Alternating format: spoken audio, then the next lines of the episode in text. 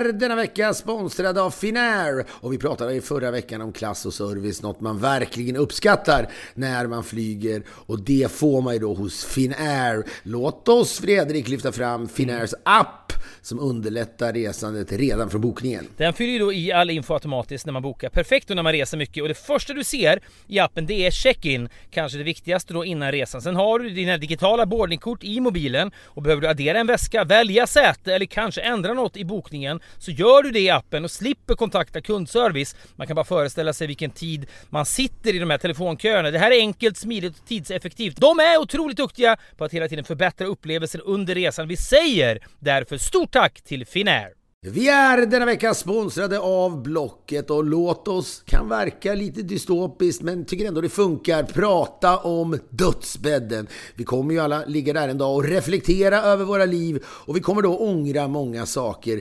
Eh, bland annat att vi inte köpte den där drömbilen som fanns i våra tankar under så många år. Ja, men kanske den där opraktiska sportbilen då som var en dröm från barnsben. Sen blir man vuxen med barn och så får man inte köpa en sån där bil. Men man skulle fan bara ha gjort det så att man inte ångrar det när man ligger där då. För på Blocket finns då bilar för alla med Sveriges största utbud av bilar till salu från privatpersoner som såväl bilhandlare. Gå in på blocket.se slash bilar och köp drömbilen på Blocket. Vänta inte så kan man då bocka av den på dödsbädden i alla fall. Det tackar vi Blocket för! Eh, vi är denna vecka sponsrade av DPJ Workspace. Eh, det är ju din partner då för kontorsmöbler och inredning sedan 1995.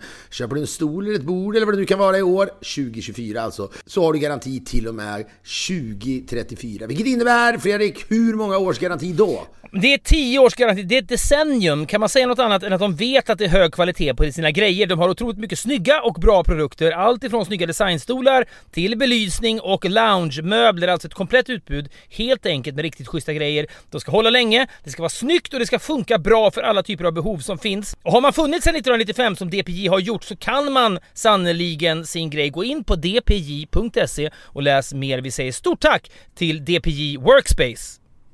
Vi har ett betalt samarbete med Syn nikotinpåsar och det här meddelandet riktar sig till dig som är över 25 år och redan använder nikotinprodukter. Syn innehåller nikotin som ett mycket beroendeframkallande ämne. Syn kommer i olika smaker, styrkor och format och nu lanserar Syn en helt ny smak inom mint. Syn Slim Cool Frost som har en tydlig smak av kylande pepparmint och mentol. En långsmal helvit prilla och enligt 90% av 366 vuxna konsumenter har den en långvarig smak. Läs mer på nikoniko.com och klicka in på syn. Glöm inte att slänga din tomma dosa i plaståtervinningen. Vi säger stort tack till syn.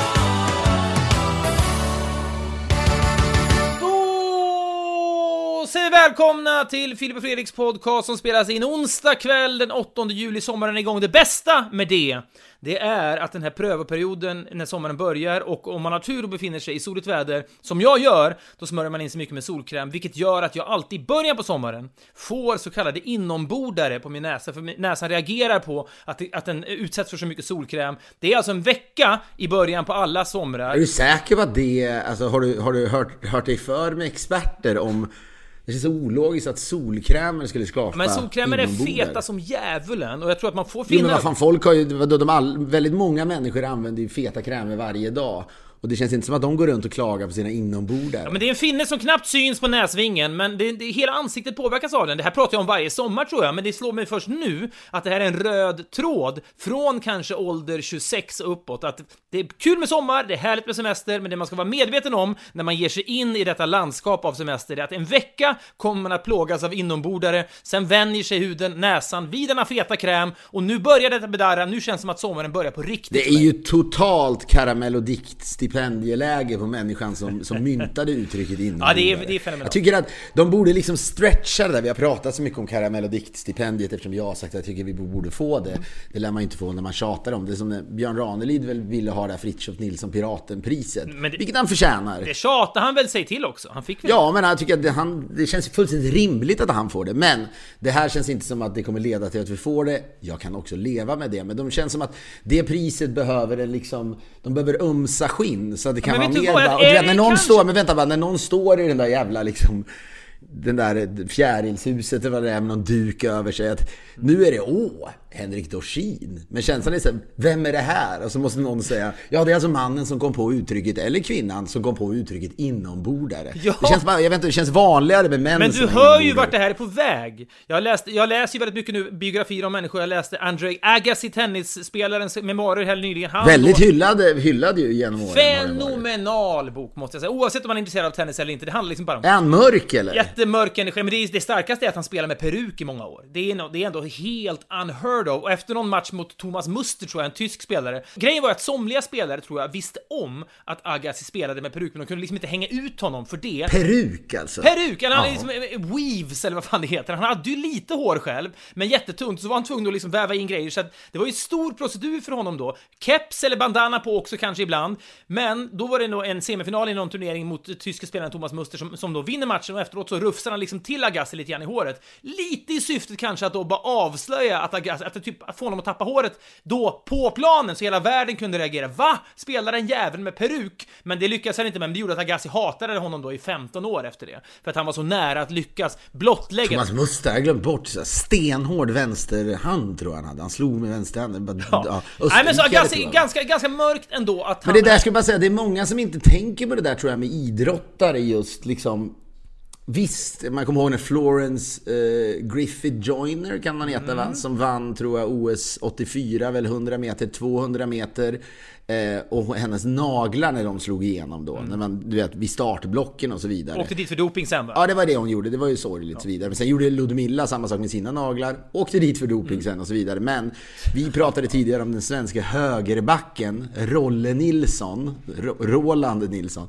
Ja, men hur snabb han var på att ta av tröjan efter matcherna för att han hade en bra kropp. Men han var väl också den första fotbollsspelaren som gick med på, erkände att han fönade håret före match. Ja, men jag, och jag tycker bara så, så här, det slår mig mig nu att eller det har väl slagit mig förut, men just med Agassi och så här, många pratar om att sitta i TV och, och du vet, att, att man då skulle bli fåfäng. Det har vi säkert också blivit, men jag, jag tror att ändå i sammanhanget är vi bland de minst fåfänga när det kommer till liksom smink och så. Det finns ju kvinnliga kollegor givetvis som sitter längre i svinket, men det finns också manliga kollegor eller kollegor eller kända människor som sitter liksom i timmar för det Ja, där. gud, ja. Men det känns ju, när man tänker på idrott, det är klart som fan. Om du ska spela liksom 90 minuters fotboll eller eh, göra en jävla fem mil eller spela liksom tennis i timmar.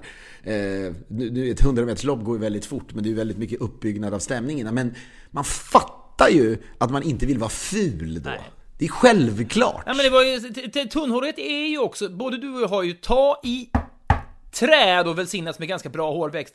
En gång i månaden drömmer jag ändå om att jag tappar håret. Det är en sån, liksom, det är så nära en hela tiden att det där kan, det är nog inte så jävla kul att tappa håret. Och Agassi står där liksom 19-20 år gammal, det bara ramlar hår ur skallen på honom. Det är ett jävla beslut ju att säga, nej, jag anlitar en perukmakare i New York som ska hjälpa mig. Han var också känd sen för sitt hårsvall och allt var ju hittepå. Det är också oerhört starkt när han då dejtar Steffi Graf då, som, som han då har varit kär i hela sitt liv. Men de är väl fortfarande ihop de är va? fortfarande ihop, barn ihop och sådär, men det är hans livs stora kärlek då. Och han måste säga en sak på den första dejten de har, jag har någonting jag måste berätta. Och hon hinner tänka, vad fan är det frågan om? Har han liksom, har han hiv eller liksom, har han liksom barn sedan tidigare som ingen vet om?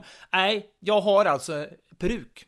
Det, det, det har liksom, han har dolt det för alla. Och hon har inte vetat om det. Så det, på första dejten måste han liksom lägga korten på bordet och säga så här, kommer du fortfarande kunna älska mig fast jag har peruk? Och hon bara säger, ja men jag älskar dig. Starkare ändå, då måste jag säga det där är en lightweight historia mot vad jag hörde. Det var en, en människa som, som eh, jobbar här som någon slags dramacoach. Som eh, jag har träffat några gånger, inte för att jag går dramacoach, men hon dejtade då en man. Och de gick på massa, eh, ja, de gick på dejter då. Och det, det, blev, eh, det blev mer och mer eh, känslor inblandade och de, de, du vet, det här var verkligen på väg att bli något. Och den här mannen måste jag säga, man, vad, vad, vad Andrew Agassi är i, var i för situation är en breeze mot vad den här Okej, mannen ja. är i för situation. Han sitter på en hemlighet alltså som han måste berätta innan det blir allvar. Alltså det är sån breeze i sammanhanget. Andrew Agassi. Ja, men nu, känn ändå, empatisera ändå med Agassi här nu. Som sitter och är känd för sitt Och jag hårsvall. vet, men jag vill bara säga att om, Aga, om, jag, om jag satt med Agassi och han klagade över det här Så skulle jag säga till honom Hörde du Andrei, käften, ja. passa dig jävligt Ja, noga nu innan du börjar gnälla för mycket här Den här mannen säger då när de är på väg hem i en Uber till honom och de har börjat hångla och så vidare. Och det här måste ha skett honom många gånger då, givetvis. Och han alltid då måste ju bäva inför reaktionen då. Så säger han så här, du, för tio år sedan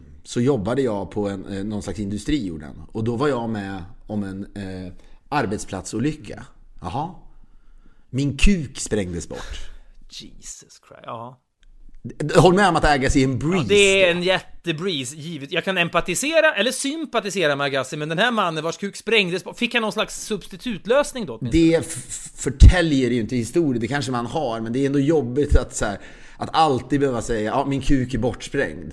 Det, är något, det finns ju något spännande i det givetvis, men det borgar väl också för någon slags problem och det borgar också för en reaktion som är svår. Ja, jag kan ge dig mycket, men det, kan bli strap-on lösningar. Det finns ju ändå Och sätt det är ju roligt också just att den blir bortsprängd. Det är någonting i det som är liksom som att liksom, det var dynamit framme. Det är, ett, det är ett sommarprat av Guds nåde. Där man börjar, hej, mitt namn är Fredrik Wikingsson. Ni kanske känner igen mig från TV. Jag har liksom swishat förbi TV-rutan i snart 20 år. Jag har vunnit 10 kristaller, jag har regisserat filmen Tårtgeneralen. Det är någonting Men ni ikväll- inte vet om mig som jag idag tänkte berätta om. Så här är det att folk brukar i det här sommarpratet berätta om sina trauman. Senast i år förstår jag att Robin Söderling, tennisspelaren, tror jag, pratade om att han, började, han googlade självmordsmetoder. Du har också pratat om Petter som sprinklar ut sina olika då, eh, handikapp, om man får kalla det det. Att han plötsligt hade han väl ADHD och innan hade han något annat så att säga. Dyslexi, eh, det ena är dyslexiplattan, det andra är Det ADHD-plattan. här säger du då i liksom en resonerande, kontextualiserande form innan första låten drar igång. Och så säger du, jag vill påstå att jag nu kommer att liksom pusha kuvertet för vad det är för sorts handikapp man faktiskt måste ha eller vad det är för trauma man... Snarare skulle jag vilja säga så här, ja, ja, man vill vara väldigt understated i början och inte alls lova några stora saker tycker jag, för då blir den dramatiska effekten mycket större av det man har att säga. Eh, Du var, tyckte du var rätt på det från början, att inte börja prata om Petter och inte börja prata om andra människor som kommer, släpper bomber i samband Utan vi med... pratar allmänt om att det här är ett forum där det nu har blivit någon slags, liksom, det har blivit legio att för att väcka uppmärksamhet, för att en sommarprat ska lyssnas på, så ska man släppa bomber. Ja, men det är det jag menar. Jag, skulle olika und- typer av bomber. jag personligen skulle jag dramaturgiskt undvika den ingången. Så skulle jag Men skulle du börja, hej jag heter skulle- Fri- Fredrik Wikingsson, jag är, jag är 46 år gammal och min kuk är bortsprängd. Nej, jag skulle Pang. faktiskt... Jag skulle vagga Här kommer in- Idiot Wind med Bob Dylan. Jag skulle vagga in folk i en somrig känsla. Det är juli, det kvittrar ute, sommaren kanske inte har blivit vad ni vill att den ska bli. Man, försöker- Men man sen skulle du vilja säga bu- buckle up så att säga. Du ligger i en Baden-Baden-stol, be din partner gå och hämta lite rep i garaget. Så du kan liksom du kan surra fast dig själv i den där stolen. Nej men jag, snar- jag skulle inte vilja göra det, jag skulle snarare helt lugnt säga sommaren är igång, själv befinner jag mig nere i Frankrike, jag har Kanske måla lite, oj vänta, vänta, nu är det en mygga här, jag måste bara ta bort den. Ja, okej. Sommaren är igång. Vi är inne på vecka två av semestern, vilket gör att alla inombordare som plågar min näsa i början på semestern nu har bedarrat och lämnat plats för en skimrande hy, redo att ta emot ultraviolett strålning från de franska himlarna. Jag heter Fredrik Wikingsson och min kuk är bortsprängd. Det här är mitt sommarprat. Ah, men det, då tror du måste där lägga in någonting. Idag tänkte jag prata om något som ingen av er vet. Mm. Eller något sånt. För att om du bara säger jag heter Fredrik Wikingsson och min kuk är bortsprängd. Det får ingen riktig effekt. Du måste ta lite höjd. Måste för det, där. alltså? Ja, Okej, ja. Det, Ja. det, det, och sen, så, sen liksom, kanske man ska ha liksom Thunderstruck med ACDC eller något. Så att det verkligen liksom bygger upp. Och sen väljer du efter låten då, så väljer du väl att, att mer prata om liksom, forumet. Du gör något slags meta-avsnitt. Ja.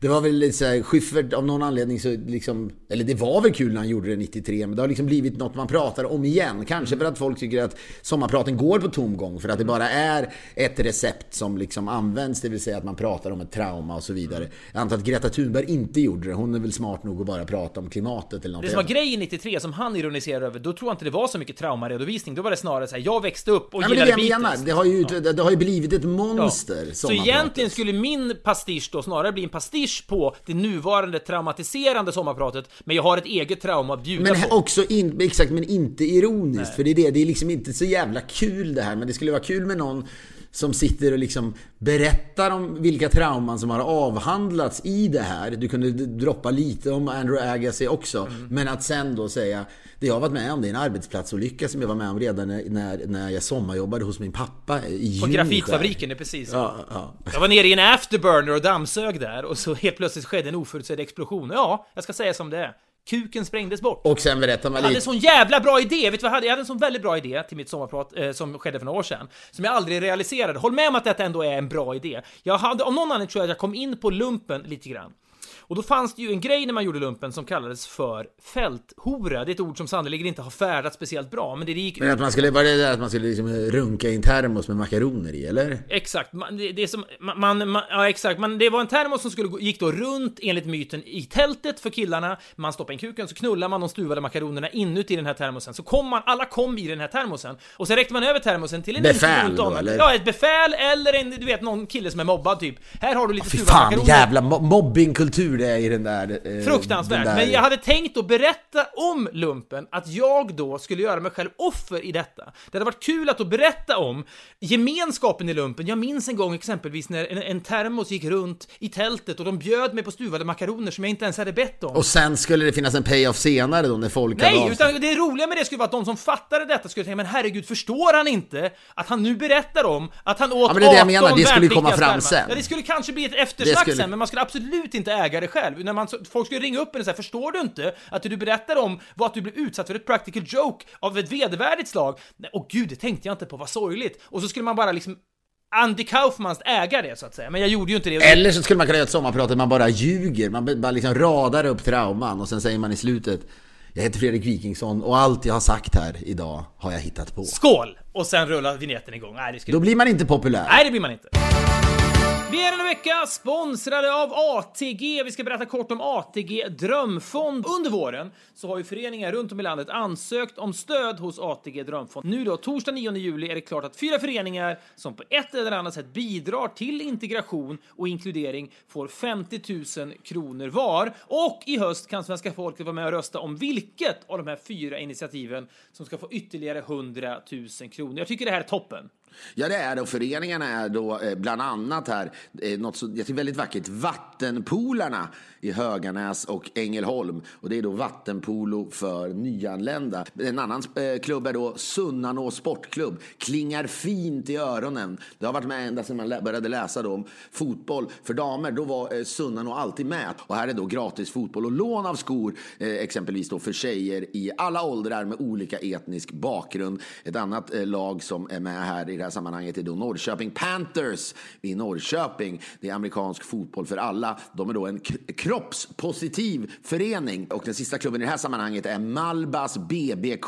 Det handlar om basket i Rosengård. Ja, det här är ett bra initiativ och nu handlar det om, om vilken förening som ska få då ytterligare 100 000. Vi säger stort tack till ATG. Vi är denna vecka sponsrade av NetOnNet. Det handlar om hemelektronik till lagerpris. Snabbt, enkelt och just det, en gång till säger jag det, alltid till lagerpris. Men det är någonting, jag vet inte, de senaste månaderna har gjort någonting med mig. Jag har blivit också mer benägen på, som många andra, att beställa saker på nätet i dessa tider. Det har liksom blivit så. Det är, jag vet, jag vet inte om jag har varit lite konservativ tidigare. Jag har liksom tyckt det varit lite mysigt att gå ut och handla grejer och sådär. Men det är någonting Ja, som bara... och jag är så, så här, jag är i USA här handlar ju nästan inte på något annat sätt. Det går ju så jävla fort. Och det där eh, är då NetOnNet ett oerhört bra exempel på. Och du kan då handla på nätet. Det är fri frakt eller expressfrakt. Då kan du få exempelvis då en TV inom fyra timmar.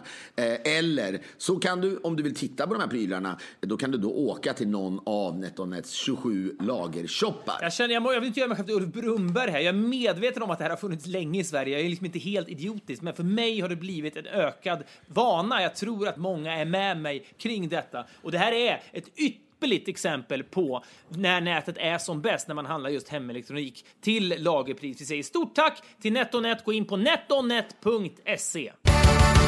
Anledningen hur som helst att jag nämnde Andrew Agassi är att han hela boken tjatar om den här skolan han har byggt upp som då tycks vara jättefin i Las Vegas där han kommer ifrån och barn som inte har det så lätt får då gå i den här skolan och få sig en bättre framtid i Hans föräldrar var väl iranier, va? eller hans pappa i alla fall? Pappa var iranier, jättesträng och hängde tennisbollar i hans crib när han var bebis och pushade honom stenhårt. Men det här leder ju fram till, fuck Karamell och diktstipendiet, vi borde ju införa ett stipendium för människor som kommer på såna här uttryck. Istället för att de är liksom ordekvilibrister som uppträder på liksom Folkan i sju olika roller som Henrik Dorsin är kapabel till och vinner Karamell och stipendiet så borde du och jag införa, istället för att starta en egen skola, vi inför ett eget stipendium som premierar människor som kommer på uttryck som inombordare. Ett sånt pris per Ja, det kan även vara en rad i en artikel eller en rad i en bok. Jag menar, vi har ju pratat kanske 16 gånger i den här podden om en man, vi har väldigt kluvna känslor inför givetvis eh, eftersom han båda har sågat oss och kanske någon gång hyllat oss. Anders Björkman, Expressens tv-recensent, när han då skrev att eh, de här eh, gamlingarna längst fram på Allsång på Skansen när det regnar då på Skansen, vilket det gör några gånger per säsong allting, att de då ser ut som inplastade SJ-mackor. Ja, det tycker jag skulle kunna räcka för att, att få priset. Det hade kunnat gått rakt in. Det hade varit kul också att Filip och Fredrik lanserar stort verbalt stipendium. Och att det första priset då, då avtäcker man då Anders Björkman som, som formulerade det här för kanske 18 år sedan. Att det är liksom retroaktivt också. Man vet ingen aning. Säg någonting bra och premien, belöningen kan komma 15 år senare. Det kan även, vi kan hitta det här i en dikt också. Det kan vara kända människor, det kan vara okända människor. Ja, visst, det finns något i det där. Men då ska man lägga tid på det också. Det är det som jag får lite ångest av, bara tanken Nej, det kommer på. vi aldrig orka. Absolut. Men Andrew Agassi i alla fall, ja, men det, det, där är en bok man, jag har hört så mycket om den och det är så sällan när man lyfter upp. Ja. Den är ju liksom, det är bara en bild på honom på, på, på omslaget och så. Man känner ju inte egentligen att det där ska vara någonting. Och det du är så bra på i och med att du läser så många är att du hittar hittar man ju biografi som man... Eh, Svennis biografi vet jag att du pratar om, eh, Sven-Göran Eriksson, som ett riktigt guldkorn. Memoarer, ja men det är fenomenala. Det, men det, det starkaste incidenten från, från Svennis liv kommer ju inte från hans egna memoarer. Förutom en sekvens i hans memoarer när han då har haft en affär med Ulrika Jonsson, tror jag, tv-programledaren i England. Och han har 200 journalister utanför sin dörr som då, som, i London, som, som gamar då vill ha en kommentar om detta. Och han säger då till Tord Grip, som är hans raka motsats egentligen, och hans assisterande en man som aldrig hade brytt sig vare sig om kuken var bortstängd eller om han var tunnhårig. Nej, verkligen inte. Han hade fokus, stirrat ner i pärmarna och olika spelsystem snarare. Men då säger han till Tord Grip... Han gillar ju dragspel. Han gillar dragspel också. Men då säger Svennis ja, till Tord Grip Tror du att Nancy kommer att få reda på detta? Att han haft den här flingen med Ulrika Jonsson? Och Nancy är då hans nu dåvarande flickvän, som han då har varit otrogen mot. Och det är då 200 journalister utanför. Det är självklart att Nancy kommer att få reda på det. Men han är ju så ganska aningslös i hur mediacirkusen då fungerar. Men Tord Grip är liksom världens sämsta konsiljeri i det läget. Ja, ja, det får man säga. Han är liksom Sveriges mest luttrade människa. Ja, jag tror att han är typ pank nu också. Han bor i Hej, jag heter Sven-Göran Eriksson. Välkommen till mitt sommarprat. Jag är Sveriges mest luttrade människa. Men alltså, luttrade, då känns det som att man är luttrad av att man har varit att attackerad. Mm orättvist egentligen. Ja, han är liksom lutt, han har fällt krokben för sig själv. Det är en annan form av luttring. Ja, en jag, jag, är en man som har, gång på gång har fällt krokben för mig själv. Det är också någon sån här, någon engelsk tidning som klädde ut sig till någon shake. En reporter klädde ut sig till en shake och sa till Sven, vill du, vill du coacha typ Förenade Arabemiraten istället för England? Och det var ju då ett jättesvek och han bara, mm, kanske. Och så tog de ett möte om detta. De, tidningarna hängde ut honom som djävulen. Sven skiter i England, han följer pengarna bara. Då, då fäller han också han är, Hej, mitt namn är Sven-Göran Eriksson. Det här är mitt sommarprat. Ja, nu ska jag berätta historien om hur jag blev självförvållat luttrad. självförvållat luttrad. Det tror jag det här avsnittet måste få heta. Apropå bara luttrad och alltså att fälla kroppen för sig själv. Vi pratade förra veckan, apropå biografier och sånt där också, om Robert Broberg, ba, ba, ba. Jag läste en bok om honom, eh, märklig artist på många sätt och Karamellodiktstipendiet kompatibel förstås, för han var ju en ordvrängare. Det som jag inte kände till då, som vi har då mejlats in, att det finns en låt som heter Snabbköpet, typ eller någonting. Och jag ville bara spela upp några sekunder ur den, för jag tyckte det var ett ganska intressant startskott för en diskussion, inte om huruvida det där borde få finnas på Spotify eller inte, utan snarare om kreativitet. Det är en ganska universell känsla. Man är i ett snabbköp, man ser en människa man blir attraherad av, man tänker jag borde gå fram och säga någonting för att det här är någonting, vi har någon slags kemi här. Och så ångrar man det, och så går man hem och så tänker man på det kanske i veckor efteråt. Vad hade hänt om jag bara hade gått fram och sagt någonting? Robert Broberg har en liknande take på detta, men det är mycket, mycket mer drastiskt än så och det tycker han då är en låt. Vi, vi spelar några sekunder från den här. Varför gick jag inte fram till dig där vid grönsaksdisken? Och tog det på fittan som jag hade som väldigt lust till. Åh, Du kunde säkert tänkt samma sak och i brallorna var ballen rak.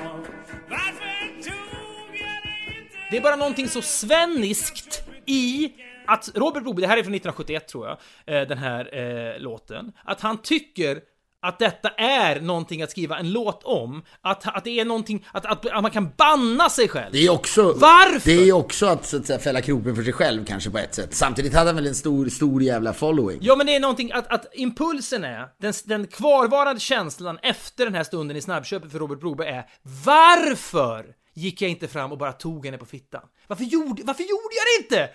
Kanske för att du hade kunnat bli, du hade kunnat bli häktad för det så att säga. Du hade kunnat bli... Problemet här är väl egentligen att så här, återigen, han skulle ju kunna säga, ja nu den här låten handlar om, om, om en instinkt som är bedrövlig, som fel, liksom, som en viss typ av män känner. Det här är, en- förstår ni inte att det här är en, Ja. det här är en liksom eh, kritisk låt mot män? Så skulle han ju kunna säga. Ja, absolut. Ja, men jag tror, han fick ju inte... det- 1971 får man inte ens frågor om det givetvis. Det är bara något lustigt också att den remasterades år 2000. Då sitter det någon ljudtekniker någonstans och lyssnar på den här och tänker ja, den här låten måste jag nu mixa om så att den verkligen... Ljudet blir perfekt anpassat till 2000-talet där den här låten och den här impulsen ska färdas in. Men det är någonting med hela den där... Varför? Varför gjorde jag det inte? Det är den här ljudmixaren, man brukar prata om, vad sitter man och pratar om på en middag? Ja, man sitter inte och pratar om att få bu, liksom kuken bortsprängd. Man sitter heller inte på en middag och pratar om att, att man ljudmixar Robert Brobergs kvinnohatande sånger, så att säga. men det är någonting. Vad gjorde du idag då? Ja, men jag håller på att remastera en låt för att det handlar alltså om en man som ångrar sig att han inte går fram och tar en tjej på fittan. Överraskar henne bara. Men Jag antar att det där, det, där är väl, det där är ju en genre som säkert finns över hela världen och som på ett sätt håller på att ka- kanske dö ut. Ja, men jag Ja, ja, men säga, det fanns annorlunda ju- med det, får jag bara säga det, annorlunda med det att artister som vanligtvis skriver den här typen av låtar är ju Eddie Meduza-figurer som bara gör den här typen av gränslösa låtar. Broberg, alltså han fyllde ju Globen 89, 90, Eh, det är en av Sveriges mest folkkära artister som då, han skulle kunna skriva låten Varför gick jag fram och tog henne på fittan? Nu sitter jag i häktet. Varför gjorde jag det för? Jag är, är jag dum i huvudet? Är jag helt gränslös? Jag, jag, jag borde inte göra såna här saker. Men låten är tvärtom. Varför gjorde han det inte? Det är någonting med det som är så jävla unikt att få impulsen att tänka att det här ska bli en låt. Varför gjorde jag det inte? Men, men jag tänker så här, men han är ju, Robban Broberg är ju en o, o, eller så, han är ju en finurlig Ed, Eddie Meduza såklart. Mm. Men, men, men det, det finns ju någon svensk artist från 30-talet som heter Johnny Bode. Mm. Och han körde väl liksom samma jävla stil. Erotiska kupletter, ja. Ja, precis, men det var ju liksom inte Karl utan han tryckte ju på också. Han fällde också krokben för sig själv. Fällde väl också Ja. krokben för sig själv. Jag tror han blev nazist och sånt där. Det var väl inte liksom... Han var ju speciell, han var liksom Ja, ombytlig, Johnny Bode, så att säga. Men sen kom, kom du ihåg när vi växte upp att det fanns något band som hette Onkel Konkel and His Konkelbär? Kommer du ihåg dem? Ja, gud ja. Det minns jag också. Och Kultlåten. jag läste det, du du skickade den här låten till mig, så bara, fick jag tänka på dem. Och vet du att det då, det finns en mu- musikalisk genre, jag vet inte om man kan liksom söka på genren på Spotify exempelvis, men det kallas alltså könsrock.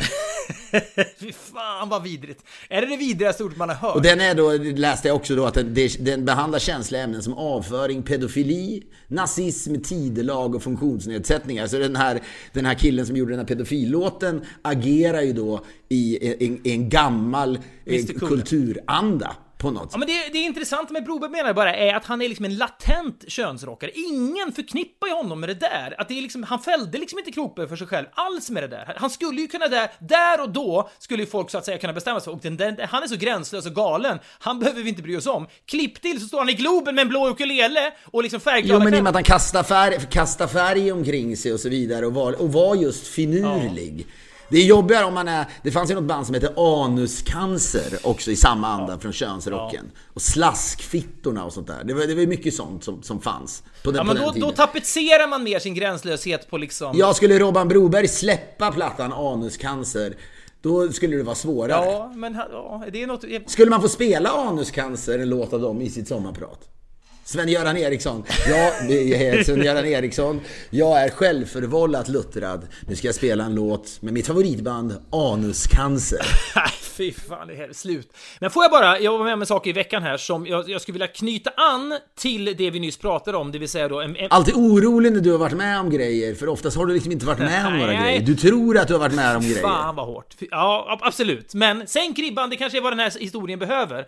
Men det är någonting ändå, måste jag säga, eh, om man lyssnar på P3-musik, sånt som pågår just nu är så jävla woke och medvetet att, och det kanske är bra på vissa sätt, Lyssnar du på P3 Musik? men det händer ibland, mina barn gillar P3, min fru lyssnar på P3 och då sitter man där, vår vän Kristoffer Garplind har ett program nu så exempelvis då med Emma Molin. Men det är jag Ja. lycklig över och Emma Molin. Det, det, Ja, så, då lyssnar vi på det och det är kul att lyssna på. Det är ju sänds varje dag klockan tre till halv sex. Men känner du inte att du vill lämna Sverige när du är i Frankrike Ja, absolut. Men mina barn, min fru, då lyssnar man på det så kommer det in lite P3-musik och all musik som görs nu är, får man ändå säga, duktig och det väcker någonting i mig att jag liksom blir lite sugen på Onkel Konkel och den typen av liksom Broberg-gränslöshet. För allt är väldigt skrajt och medvetet nu. Det är ett ganska okönsrockigt tidevarv vi är inne i just nu och det kan vara bra på vissa sätt, men det blir lite... Du med dina, du, du älskar ju, du är ju som sagt var förespråkare av den, cykliska teorin. Mm. Och här, med, menar, det, det tror jag ju verkligen nu att vi kommer kunna,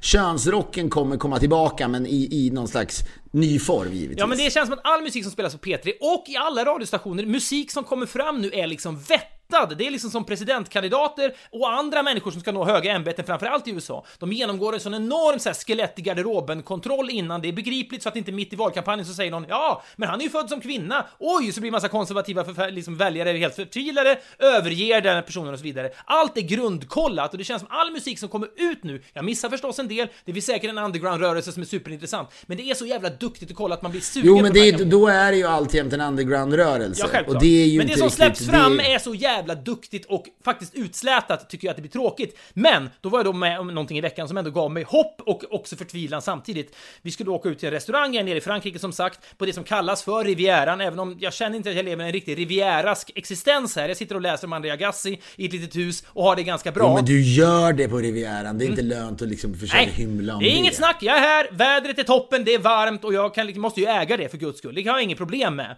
Men då ska vi åka ner till, då ska vi åka ner till en lunchrestaurang som min fru har hittat, där man då ska åka båt ut till en ö där det finns en restaurang. Så långt, inget problem. Vi åker ut dit. Det verkar lovande, kul att åka lite båt, barnen blir upplivade och det och så vidare. Sen inser jag efter exakt en minut på restaurangen, klockan är kanske ett på dagen, att det här är då ett så kallat stekarställe som det ju då finns på Riviera. Det finns i, tydligt- i Halmstad, det finns liksom på, i, i Visby och så vidare också. Jag vet inte hur det ser ut den här sommaren.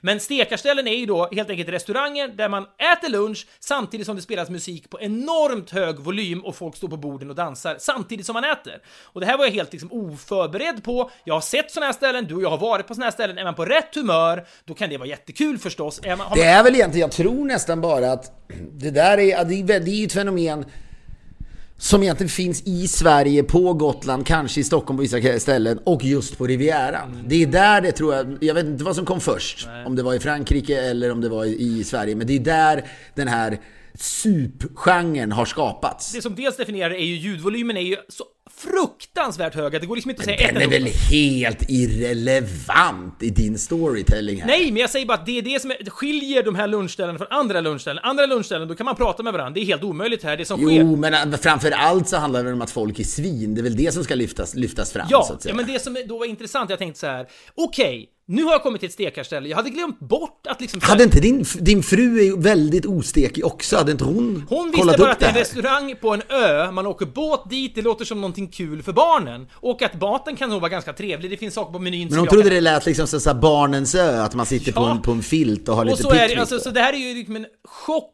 för våra barn. Mina barn har ju aldrig hört talas om det här. Man, de tror att man åker och käkar liksom pasta carbonara eller liksom så här pasta med smör. Men är det inte, det det känns som att det borde vara barnförbjudet Det lite. som händer när jag kommer dit är ett, så tänker jag just det, ja, brat-kulturen, stekarkulturen, den hade jag lite glömt bort. I coronatider tänker man, det där kommer liksom kanske att liksom ryka först, att folk liksom står nära varandra, hånglar på bordet och liksom så här kör, som de då säger, att de bara kör, högerhanden i luften, fistpumping och det är en massa jävla hög volym och så här. Det hade man helt bara glömt bort, det kommer inte att finnas.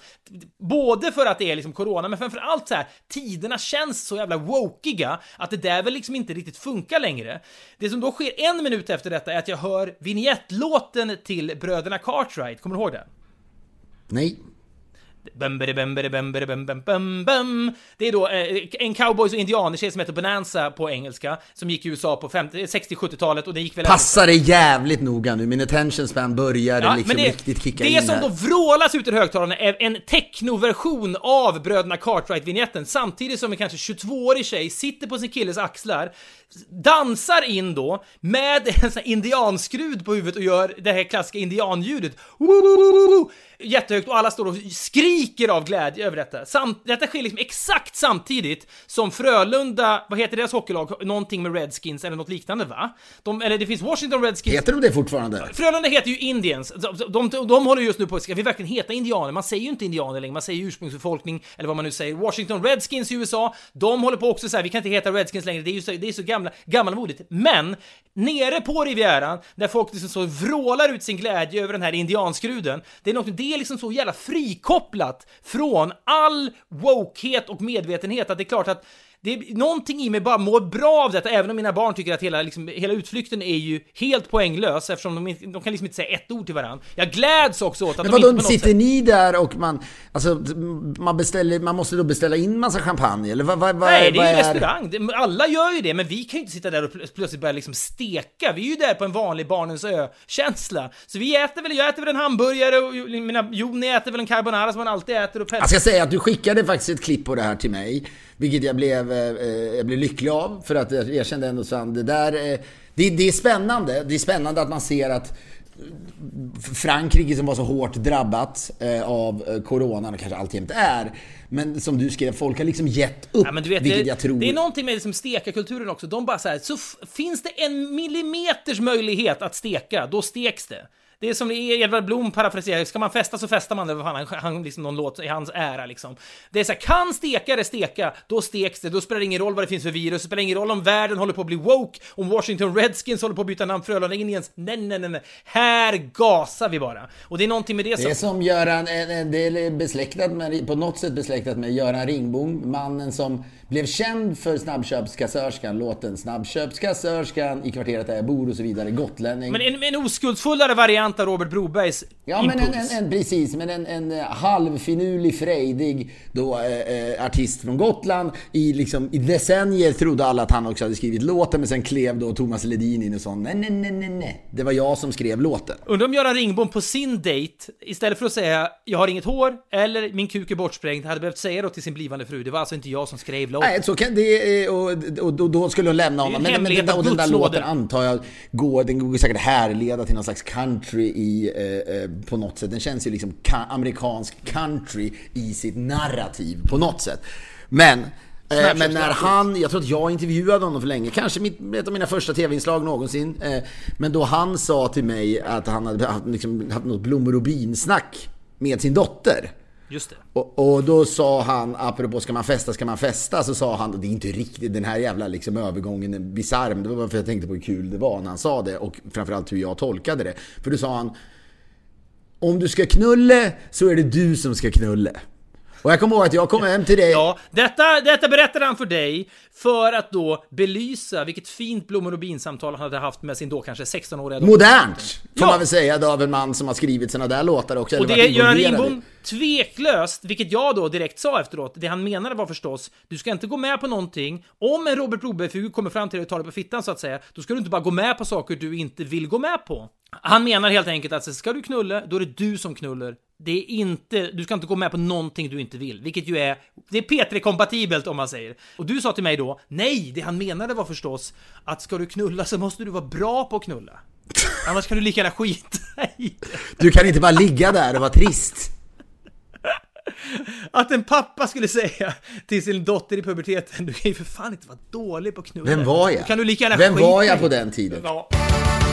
Vi är denna vecka sponsrade av AMF som ju investerar långsiktigt så att din pension ska växa och bli så trygg som möjligt. Vi pratar om detta från vecka till vecka såklart, hur, hur osexigt det är med långsiktighet och hur abstrakt det är och hur liksom det är så lätt att skjuta upp såna här saker till framtiden. Eh, det kan bli lite lättare, lite mer hanterbart om man då transfererar den här typen av tankar till det vanliga livet. Det var ju länge i livet, det här minns ju du också när jag köpte kostymer. Vi var kostymkillar i mitten på 90-talet. Kent Måste lärde vi oss prata om det? Måste vi prata om det? Nej, måste vi, men, nej, hemskt var det. Men det, var, det tog lång tid innan jag fattade att man kunde kemtvätta kostymen. Det kändes dyrt och onödigt och så blev kostymen då sliten och f- så förfärlig ut efter någon jävla maskintvätt nere i källaren. Så när jag då började kemtvätta mina kostymer så insåg jag att de här kan jag ju ha i flera år. Det var ett sätt att konkretisera långsiktighetstanken. Ja, det är en mysig känsla och det där är ju ett perfekt sätt, eh, eller en perfekt jämförelse då till ett långsiktigt sparande. Och AMF, de investerar ju då eh, pensionspengarna inte bara på börsen utan också i fastigheter, räntor, ny teknik, skog och bland annat vindkraft. AMF är långsiktiga och finansiellt starka just för att de eh, arbetar på det här sättet och det här gäller då inom traditionell förvaltning. Vill du veta mer så går du in på amf.se. Vi säger stort tack till AMF.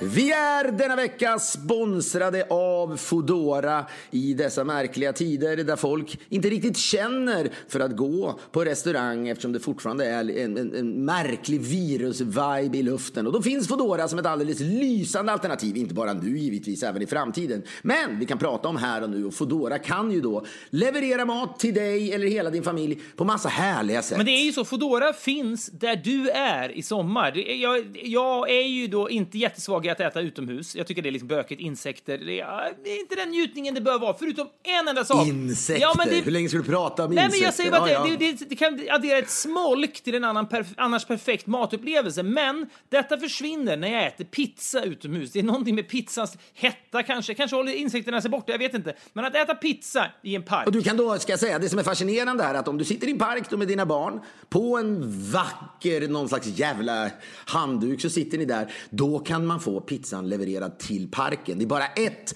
exempel. Och om du inte använt Foodora eller online-pizza tidigare så får du 75 spänn i rabatt på din första beställning om du använder koden Filip och Fredrik. Ett ord, Filip och Fredrik. Koden är giltig till och med 6 augusti i år. Vi säger stort tack till Foodora.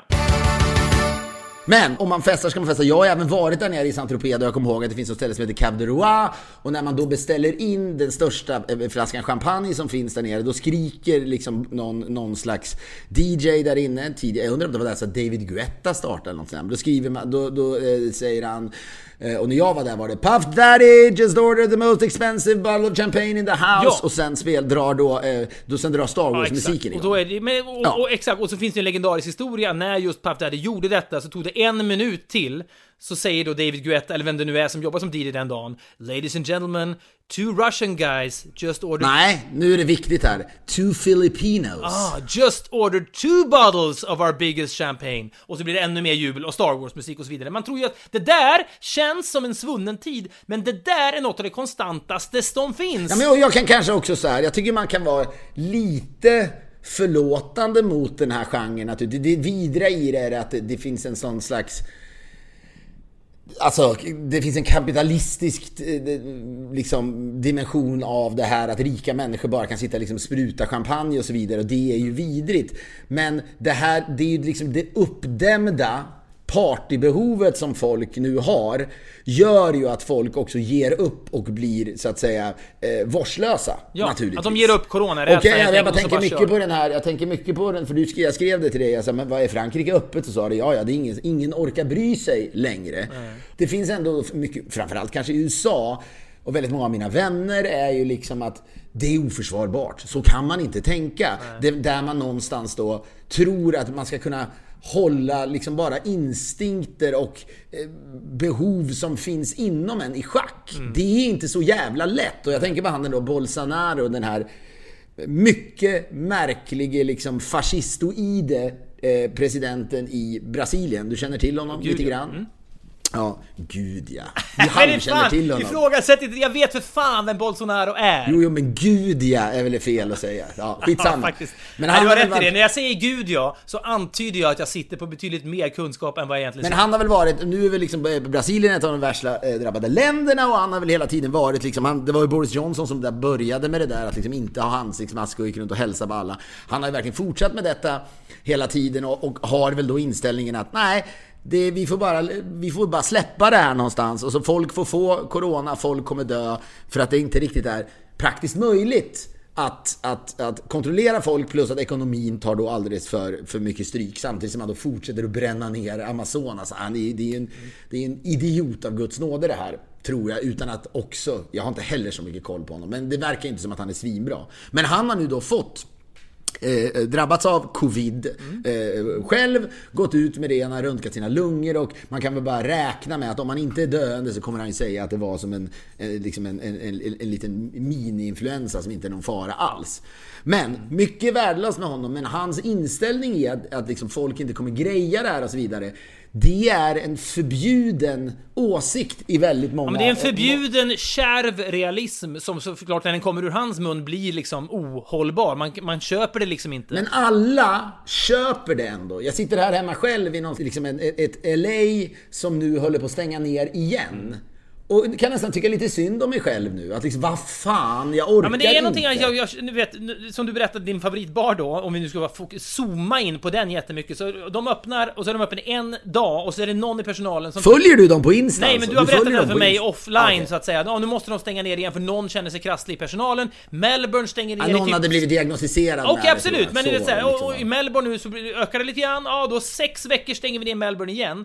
Det är ju någonting med det som så här, det, det, det, det, det Nej men och det det inte jag menar, det är väl klart just för att Bolsonaro är som han är så kan, så, så, här, så kan man inte heller säga att han har rätt. Jag säger inte att han har rätt heller, men det är åtminstone finns det en mänsklighet i det där som, som jag tror kommer vara väldigt svår att hantera och stoppa. Alltså man kan ju säga hur, hur, hur, liksom, hur många gånger som helst och en stat kan kontrollera eh, folk och så vidare. Tror dock att det är väldigt svårt. Tror det är svårt även liksom i USA där, där det numera inte ens är, det är inte ens en, eh, en rekommendation utan nu är det lag att ha ansiktsmask annars böter man då, får man böta 300 dollar om man blir tagen och så vidare. Men man ser ändå när man är ute och går att folk liksom inte orkar. Och det där, det, det känns som det där får man inte riktigt prata om. Men det, jag tror att det kommer vara en, en, en, en eh, Någonting som bara eh, kommer bli liksom starkare och starkare och starkare. Och du har ju här ett lysande exempel på det känner jag. Att känslan av att få explodera i Riviera-miljö. Och sen tror jag många av de här stekarna är ju odödliga. De, har, de, är, de tror ju att de är odödliga. Det ingår i stekar-DNA. Stekarluncher är, jag skulle säga hälften av människorna har kokain i blodet, för det är som gjort för kokainister att bara säga prata behöver man inte. Vet du vad det också är? Det är inombordare fritt.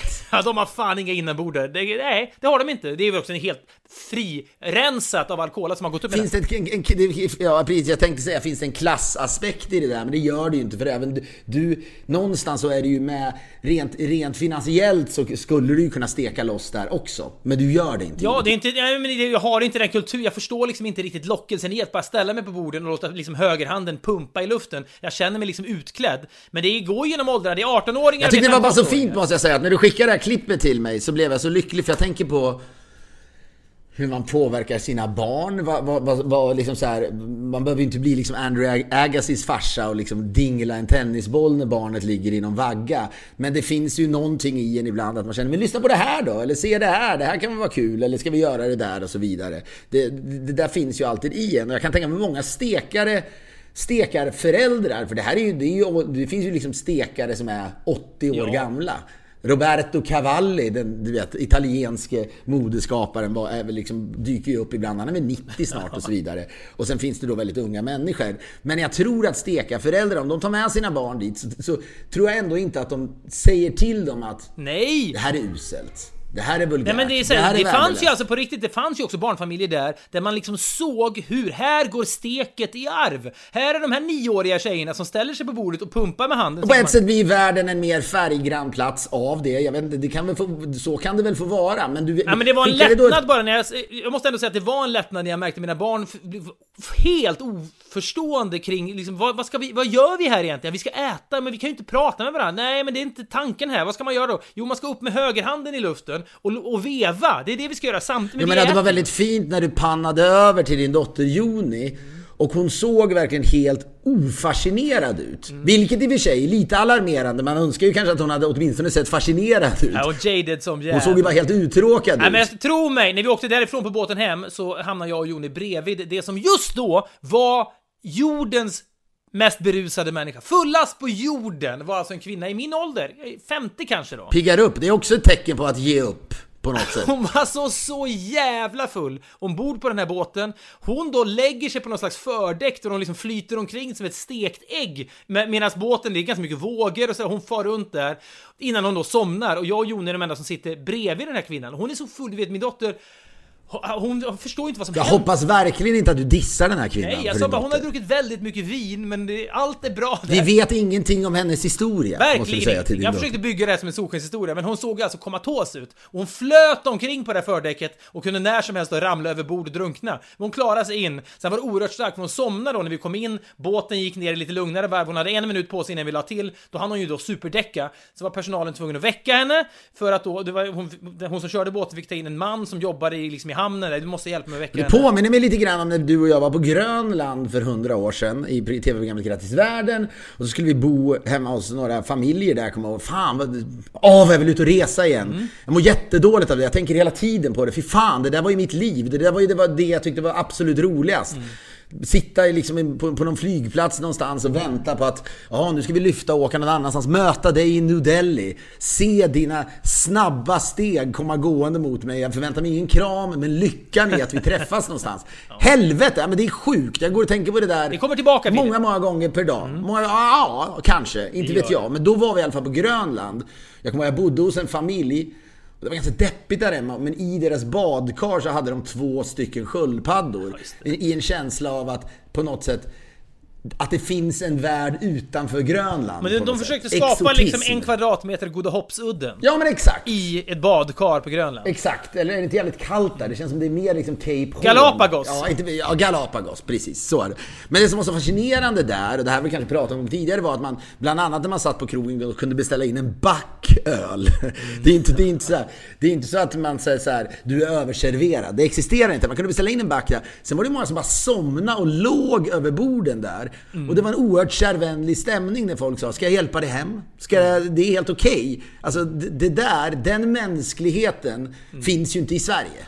Nej, nej, men det var ju jätte... De, de, de, fick ta in nästan ta i med hårdhandskarna för att väcka den här kvinnan då som hade däckat. Ska du inte ha taket. en liten öl till ändå? Ska du Nej, men ta en galopp det innan var ju du väldigt mörkt. Jag förstår inte franska, men min fru översatte det åt mig sen att det, när kvinnan till slut vaknade till liv, för vi stod ju kvar och så fan det som håll- vad- lever hon ens? För hon var ju så jävla full.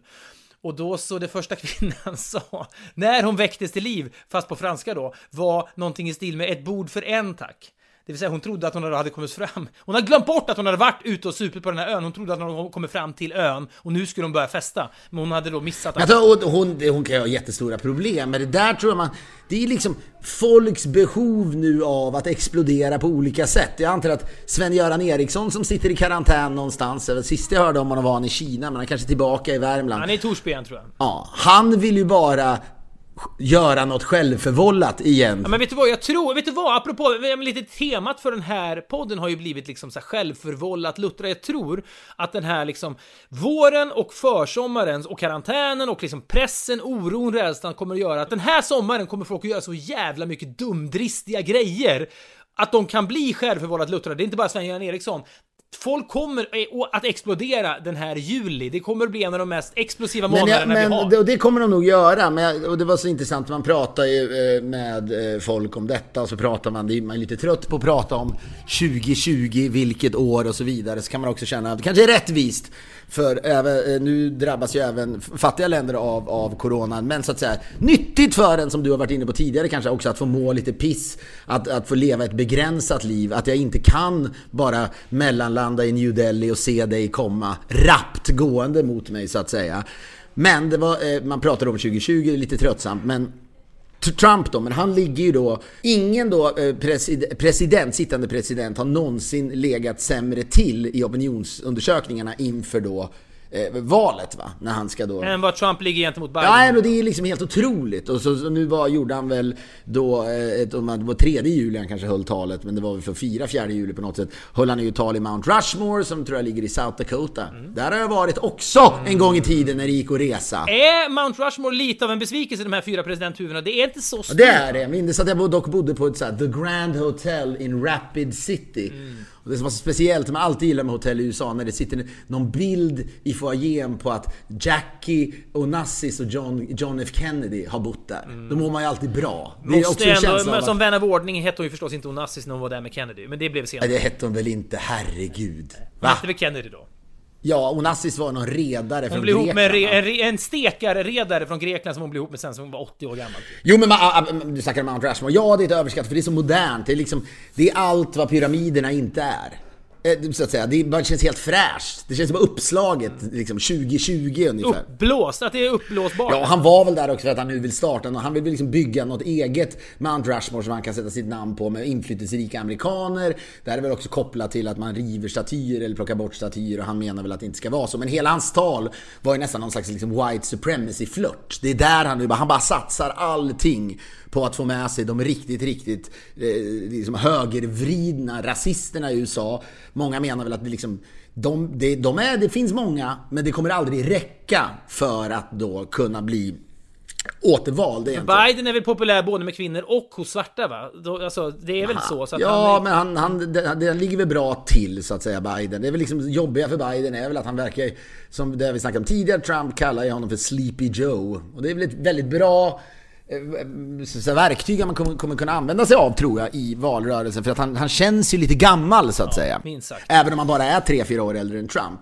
Men han ligger så jävla långt efter och det, alltså, jag vet inte, experter, det det var någon kompis till mig som kände en person Apropå att det är flera led innan jag når fram till de människorna som är lite prominenta. Men som känner en person som jobbar på Politico, som är ju en inf- inflytelserik då, Sajt, eh, ja. på nätet då. Men, men i alla fall, men där det nu spekuleras i att Trump kommer ge upp. Det är intressant ju, får jag bara säga, för det där är det ju inte som man har hört så mycket om. Men just 64 så blev ju då Lyndon B Johnson president eh, efter Kennedy. Han var ju vicepresident i Kennedy. Svors in på planet. Ja, Ej oikonisk Nej, bild. väldigt ikoniskt. Och då var han ju då president i fyra år, massa problem med Vietnamkriget och så vidare. Han gav ju upp. Han ställde ju inte ens upp. Han trodde han skulle få stryk av Robert Kennedy, av Demokraterna så att säga. Han säger, jag skiter i det här. Som sen blev mördad då. Ja, jag kommer inte att ställa upp för omval. Det var ju senaste gången det hände, antar jag. Så du menar att Trump skulle då kunna göra det som Lyndon B Johnson gjorde? Han skiter i att ställa upp. Jag menar inte det, men vissa menar att han ser...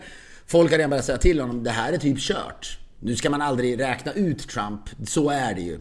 Men att han är så långt efter så att det sista den mannen vill är ju behöva stå på en scen, kanske då i hans, det här Mar-a-Lago eller vad det heter i Florida där han så har någon slags liksom golfresort. Att han ska behöva stå där och säga Well, uh, congratulations. I just made a call, phone call to Joe, Joe Biden and congratulated him. Alltså, ah. Men det är så här, kom ni ihåg var ni hörde det först? Trump ger upp. Det Ja, men, ju ändå då- jävligt spännande vem de skulle skicka fram istället. Ja men då blir det väl liksom Pence var det någon som sa. Nej, blir... nej, nej, nej, nej, nej, nej. Det är inte ens säkert att han väljer honom som vicepresident tror jag. Ja, ja. Jag har ju faktiskt läst John Boltons memoarer också. Han som var säkerhetsrådgivare åt eh, Trump i Vita huset. Han har skrivit en bok nu. De har jag faktiskt också läst. Han menar på att skulle Trump bli omvald, då skulle han för Demokraterna bli en mycket bättre president. För då skulle han bara bry sig om sitt legacy. Då behöver han inte bli omvald. Då behöver han inte flörta med högerna. Nej, men, jag vet, men, men samtidigt, det som jag tycker gör det här lite, lite logiskt är ju att för Trump att erkänna att han är en förlorare, det måste vara det sista han vill. Då skulle han istället kunna säga något i stil med I made America great again. Nu behövs That was ja. my mission. Nu har jag gjort Now, det. Someone else need to curate this, eller vad fan nu, det nu kan nu vara. ska någon bara vårda det jag har gjort. Jag har gjort någonting helt enastående. ja, men det, det vore spektakulärt. Det vore någonstans också en rimlig så att säga avslutning på nyhetsåret 2020. bomb på bomb på bomb på bomb släpps, så att säga. Men hur det än blir med den saken så tror jag, och det kanske är överlevnad då, men det känns som att när Låt oss tro att det blir så då. Joe Biden blir ny president. Han kommer inte vara den populäraste demokratiska presidenten någonsin. Alla snackar ju också om att han kommer bara göra fyra också år. Han gör det här, han är, han är rutinerad, han är ett hyfsat säkert kort. Efter fyra år kommer han vara 82 år gammal, då kommer han säga nu lämnar jag över till Kamala Harris eller vem det nu är som är hans vicepresidentkandidat. Återstår att se. Det släpps väl i dagarna här, det var någon också som sa tänk om han i bakgrunden har liksom det har skett snack med Michelle Obama i bakgrunden som ingen vet om. För att liksom, nu måste vi rädda världen. Och så har han lyckats övertyga henne. mys alltså. Jag, jag, jag, så här, det finns ju massa argument mot det förstås, men det, det är någonting i och med att jag sitter här borta, det som pågår där borta är ju show. Och då gillar man när det blir mys. Och Michelle Obama som vicepresidentkandidat till Joe Biden, det är så mycket mys så att man bara, låt det bara hända! Låt det bara Det är, en hända! stark, det är en stark kombo. Men jag känner bara att det kanske är det där som gör, man kanske lever på det, det kanske är överlevnad. Vissa super sig bara till, till oigenkännlighet som kvinnan på båten Ja, där. fullast på jorden. Men det är någonting att se fram emot, en känsla av att då tror jag liksom en fest kommer bryta ut i hela världen. Och att det var som den här politikermannen också sa, att det kan kunna vara så jävla bra för ekonomin och allting. En känsla av det kanske inte blir lika mycket recession för att folk kommer bara känna nu blev vi räddade. Miraklet har skett. Även om USA kanske inte är världens liksom, mäktigaste land längre. Men det är så stark symbolik. Han är ju åtminstone världens kändaste människa. Nej, men jag skulle säga så här, det, är- det som kan rädda det där, det, hela ditt scenario, jag köper det till liksom 50%, men en Michelle Obama-figur som vicepresident, som kliver ut bredvid Biden och håller segertalet. Och en Barack Obama som står jätte, jättelångt bak på Ja, scenen. smakfullt långt bort och liksom inte skäl något rampljus alls. Det är, en, en Michelle Obama bredvid honom, det köper jag. Vi får se vad som händer. Trevligt har det varit som vanligt. Hörni, vi spekulerar fritt, vi skjuter från höften, vi är självförvållat luttrade understundom. Vi tycker så himla mycket om att ni lyssnar på oss, mejla gärna till podcastet poddff.com. Vi tycker om när ni rensar era sommarhjärnor och ventilerar det som ni går och bär på. Ta hand om varandra, vi hörs igen om en vecka. Hej då!